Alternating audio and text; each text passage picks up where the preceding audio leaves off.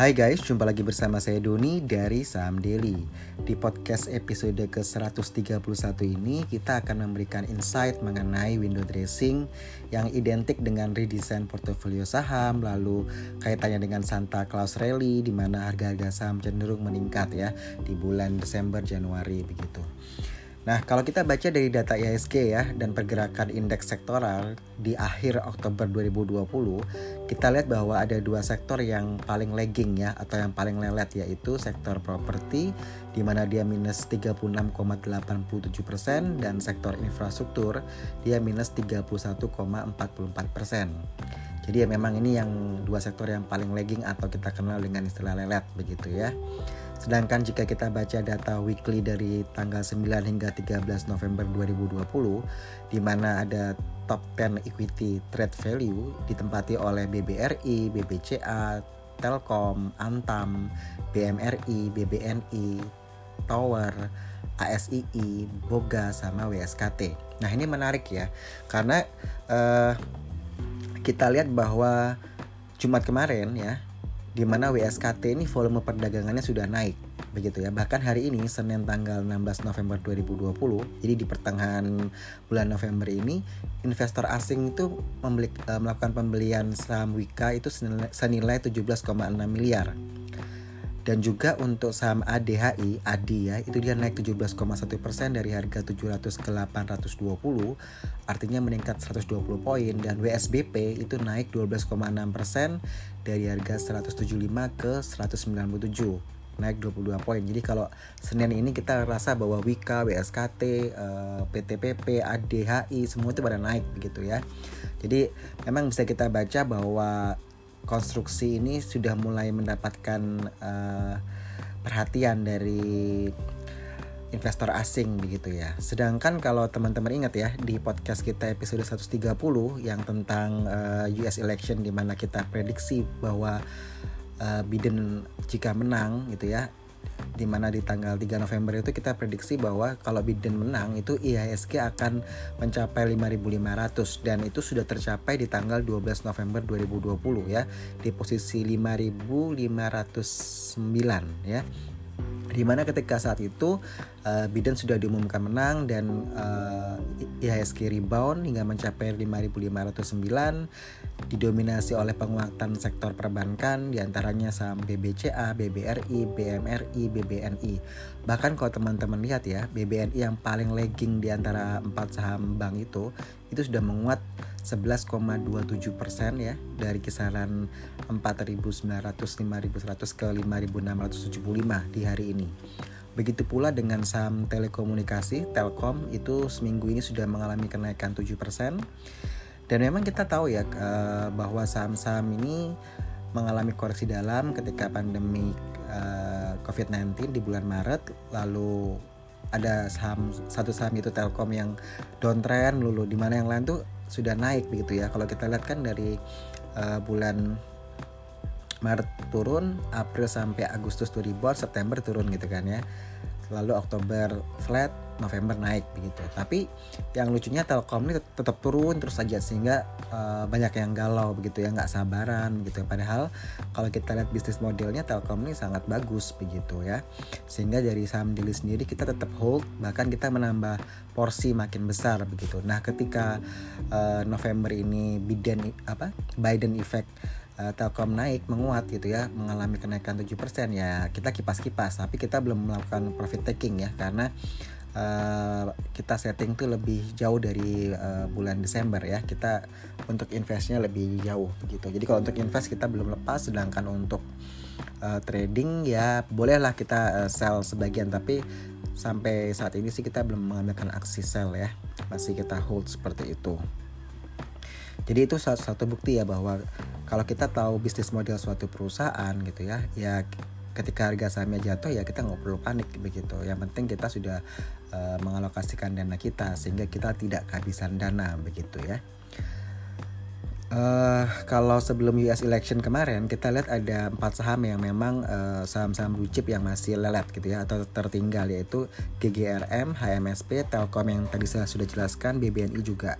Nah kalau sekarang posisi hari ini di mana Telkom dan BBN ini sudah naik, yang masih ketinggalan adalah GGRM dan HMSP. Uh, yang menarik dari sektor uh, tobacco ini atau rokok ini adalah sentimen negatif ketika uh, cukai akan dinaikkan di tahun 2021 ya uh, rumornya sih 17% kenaikannya. Nah, tentu akan berdampak bagi penjualan dari GGRM dan HMSP begitu. Tapi kita lihat sisi positifnya uh, biasanya akan shifting ya, itu ke saham WI WIIM ya, WIM. Di mana memang kalau kita teman-teman lihat teknikal secara teknikal grafiknya, GGRM dan HMSP itu downtrend gitu. Tapi WIM ini tetap uptrend begitu ya. Jadi kalau di Instagram saham daily banyak yang nanyain di DM kita Pak ini untuk rokok uh, pilih mana GGRM atau HMSP kalau secara trading saya bilang saya nggak pilih dua-dua saham itu. Saya nggak pilih GGRM maupun HMSP kita pilihnya WIM ya. Lebih ke trading begitu. Tapi kalau secara uh, harus memilih dua yaitu GGRM dan HM, HMSP saja kita pilih HMSP ya. Karena kalau kita lihat CAGR-nya selap uh, 8 tahun ke belakang HMSP sudah sangat murah ya begitu. Jadi pertimbangannya di situ. Jadi murah itu bisa secara valuasi, bisa secara teknikal ya, bisa juga secara harganya. Harganya lebih terjangkau kan kalau beli HMSP daripada GGRM. Jadi kita lihat dari beberapa aspek itu kita pilih HMSP sih kalau harus masuk di sektor rokok ya. Seperti itu. Oh iya, tadi mengenai kenapa kok ketika Biden menang uh, yang menguat itu adalah saham uh, perbankan ya. Tadi saya sebutkan ada BBRI, BBCA. Jadi ketika dia uh, Biden diumumkan menang itu BBRI, BBCA, Telkom, Antam, BMRI, BBNI, TOWR, ASI, Boga, WSKT. Itu saham-saham yang menguat begitu ya. Kalau kita lihat memang didominasi oleh perbankan karena apa? Karena memang di Indonesia itu di Bursa Efek Indonesia belum ada saham-saham di bidang IT ya sehingga foreign management fund itu lebih mengincar ke sektor perbankan karena secara big big capnya ya market capnya itu paling besar adalah di sektor perbankan yang mendominasi di IHSG seperti itu. Nah pertanyaan yang timbul kan waduh kalau perbankan udah naik kita mau masuk di sektor apa lagi ya yang kira-kira menarik di bulan November Desember ini hingga Januari kalau dari saham daily sendiri kita sejak September itu ketika koreksi kedua terjadi ya setelah Maret itu uh, kita sudah menambah porsi di properti konstruksi ya. Uh, lalu ada tiga sektor lainnya uh, saya sebutin duanya aja ya coal dan dan CPO jadi untuk coal sendiri kita baru masuk itu di November ini ya. Uh, sama dengan sama juga dengan CPO ya begitu. Jadi kita sempat share juga di IG feed kita uh, CPO dan uh, coal ya di mana harganya memang uh, harga batu bara dan CPO ini sudah naik ya. Kalau CPO aja dia sudah menyentuh level harga 3.300 hingga 3.400 ringgit Malaysia per metric ton begitu. Jadi uh, kita memang sudah tanam istilahnya tanam bukan tanam ya, ya menebar ya invest di properti konstruksi dari September. Sedangkan kalau yang uh, eh, CPO sama coal ini kita baru di November ini awal-awal itu baru kita masuk ya. Uh, kita tambah porsi tambah porsi tambah porsi. Karena memang kita lihat bahwa uh, harga sahamnya juga mengikuti kenaikan dari harga komoditas itu sendiri begitu. Lalu uh, kalau teman-teman merasa wah saya telat dong nih terlambat masuk nih. Ya memang ya boleh dibilang agak telat sih kalau teman-teman baru mau masuk begitu. Karena uh, untuk dapat harga bottomnya sudah lewat begitu kan. Tapi kita masih melihat uh, potensi upsetnya masih lebar seperti itu. Uh, apa yang harus kita lakukan di bulan November ini ya uh, kita masih bisa melakukan rebalancing portfolio ya. Jadi kita tata ulang portfolio kita uh, kalau ada yang lebih dari 20% di satu saham itu kita harus kurangi begitu. Kita bisa lakukan profit taking ya. Kenapa kita lakukan ini?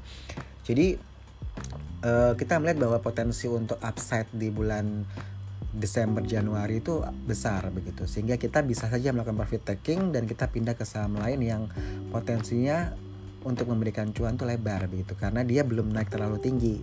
Sehingga kita bisa melakukan shifting ke saham yang lain. Itu boleh-boleh saja itu suatu strategi yang kalau berhasil ya biasanya sih emang begitu ya yang dilakukan oleh uh, manage fund manage fund seperti itu Nah, selain kita melakukan rebalancing portfolio, kita juga bisa melakukan yang namanya screening saham ya. Dan memang di saham daily sendiri kita udah melakukan screening itu di bulan September ya.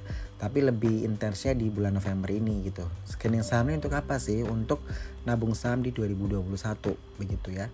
Kalau kita lihat secara catatan kita, memang nabung saham di tahun 2020 itu tidak terlalu bagus karena kita membeli apa sahamnya itu di awal Desember. Jadi sebelum harga covid ya. Jadi tentu kita beli di harga mahal. Tapi begitu sekarang di November ini sudah pada rebound saham-saham yang kita beli itu sekarang udah banyak yang positif gitu ya. Walaupun masih ada yang merah ya. Tapi kan kita bilang kita nabung saham tuh jangka panjang. Jadi uh, selama fundamentalnya masih bagus strong fundamental ya kita hold. Dan kita nambah porsi kita di situ ya ya kalau nabung saham kan kita uh, dollar cost averaging ya setiap bulan kita lakukan seperti itu secara rutin Oke, lalu kita bicara mengenai 2021. Ini saya gabung aja karena banyak pertanyaan di Instagram saham daily ya, banyak banget. Jadi saya uh, buatnya November, Desember, Januari deh onwards ke depan seperti apa begitu ya. Kita lihat di tahun 2021 itu pemerintah fokusnya ke infrastruktur ya uh, kalau kita baca di RAPBN 2021 begitu dengan asumsi makro di tahun 2021 itu pertumbuhan ekonomi 5%, inflasi 3%, which is good ya. Jadi inflasi itu di antara uh, eh, 2 dan 4% begitu. Kalau lebih besar dari 4% jelek, lebih kecil dari 2% jelek. Jadi ini dia tetapkan 3% dengan nilai tukar rupiah di 14.600 rupiah per US dollar. Tingkat suku bunga SBN 10 tahun tuh di 7,29 persen lalu yang penting-penting sebentar saya bacanya IPM kita di 72,78 hingga 72,95 untuk target pendapatan di era RAPBN 2021 ini mencapai 1.776,4 triliun sedangkan belanjanya itu projectionnya di 2.747,5 triliun Artinya ini kita bakalan defisit ya uh, sekitar 5,5% dari PDB atau sebesar 971,2 triliun. Kita lihat di pos belanja negara di mana anggaran kesehatan itu sebesar 169,7 triliun atau setara dengan 6,2% terhadap belanja negara. Lalu anggaran pendidikan itu di 549,5 triliun, ini setara 20 persen teknologi informasi dan komunikasi ini 30,5 triliun ya. Ini untuk untuk transformasi digital ya yang pemerintah uh, galakkan lalu pembangunan infrastruktur ini yang menarik ya dianggarkan sekitar 414 triliun jadi ini cukup besar lalu ketahanan pangan itu di 104,2 triliun perlindungan sosial itu 419,3 triliun ini terkait dengan bantuan tunai, kartu prakerja dan sebagainya ya. Ini terkaitannya dengan dampak dari COVID-19. Lalu ada pembangunan pariwisata itu dianggarkan 14,4 triliun ya. Selain itu juga pemerintah melanjutkan program pemulihan ekonomi nasional ya di tahun 2021. Nah, kalau kita lihat dari belanja negara tadi, strukturnya itu kan kita lihat bahwa infrastruktur itu dapat anggaran 414 triliun. Ini nomor tiga terbesar setelah sektor pendidikan yaitu 549,5 triliun dan perlindungan sosial di 419,3 triliun begitu. Nah, kalau kita mengamati infrastruktur dari 2016 itu dia anggarannya adalah 269,1 triliun, lalu 2017 379,7 triliun, 2018 di 394,0 triliun, 2019 kisaran 399, lalu di tahun 2020 itu di 423,3 triliun. Nah, sedangkan di 2021 ini di rencanakan tadi di 414 triliun. Jadi seharusnya sih tahun 2020 itu uh, infrastruktur gila-gilaan ya. Itu pun juga properti. Cuman karena pandemik ya udah begitu ya tapi at least di tahun 2021 dengan anggaran 414 triliun ini kita lihat sektor infrastruktur bakalan booming ya uh, di minggu-minggu kemarin kita lihat juga ada berita bahwa pemerintah akan bangun 21 tol baru ya di tahun 2021. Nah, tentu kita bisa lihat bahwa memang benar-benar uh, pemerintahan Jokowi ini uh, fokusnya di infrastruktur nih di tahun 2021. Nah, kalau pembangunan infrastruktur itu gencar seperti itu tentu sektor turunannya itu di semen ya jadi menarik untuk saham-saham SMGR, INTP ya, saham-saham semen ini akan menarik karena kan pembangunan butuh semen gitu ya. Beton juga ini menarik untuk yang um, memproduksi beton ya. Tadi di awal saya udah mention bahwa properti konstruksi ini yang paling lagging dan ini merupakan opportunity uh, kesempatan bagi kita gitu ya. Uh, kalau yang belum masuk ya boleh masuk cicil buy uh, nanti pakai piramid ya. Kalau takut uh, beli di pucuk, tapi kita lihat bahwa ini harganya belum di pucuk begitu ya. Jadi masih potensi lebar di uh, untuk bisa upsetnya itu masih lebar begitu ya untuk uptrend dari segi properti konstruksi saya share saham-sahamnya sekelas aja ya uh, cepat aja properti industrial kita amati saham-saham SSIA ya dengan proyek Subangnya lalu Kija di mana Kija ini memiliki land bank industri terbesar di Jababeka ya sekitar 5100 hektar. Lalu saham ketiga kita lihat ada Dimas DMAS ini cash flow-nya sangat kuat sekali. Begitu pula dengan BES yang saat ini kalau kita teknikal ya masih sideways tapi dia juga melakukan kerjasama dengan Jepang. Jadi menarik ya untuk uh, properti industrial. Sedangkan untuk properti residensial ya yang selalu saya sayang tuh ya BSDE ya. Uh, favorit saya BSDE itu ada project 100 hektar lalu CTRA dia ekspansi bisnis ke Kamboja Vietnam Shenyang China. Lalu P1 juga menarik ya di mana kita lihat pergerakan harga sahamnya itu udah rebound ya uh, P1 ini kan karena recurring income-nya juga cukup besar uh, sangat sehat perusahaannya Lalu untuk sektor konstruksi sendiri kita uh, pilihnya itu sebenarnya WSKT dan BTPP ya lebih cenderung ke situ karena uh, kontrak baru itu banyak gitu ya. Sedangkan Wika, Wika ini juga memperoleh kontrak baru ya di Solomon ya. Ini secara fundamental dia paling strong sebenarnya. Jadi kalau teman-teman mau masuk ya WSKT, PTPP, Wika begitu ya. ya. Sesuaikan saja dengan dengan dana yang Anda miliki, jadi diatur alokasinya. Nah, semoga di podcast episode yang ke-131 ini bisa menjawab pertanyaan teman-teman. Maaf ya, memang ini sudah 7000 DM yang masuk di Instagram Saham Daily. Terima kasih buat teman-teman yang sudah uh, bertanya atau kasih saran. Terima kasih semuanya.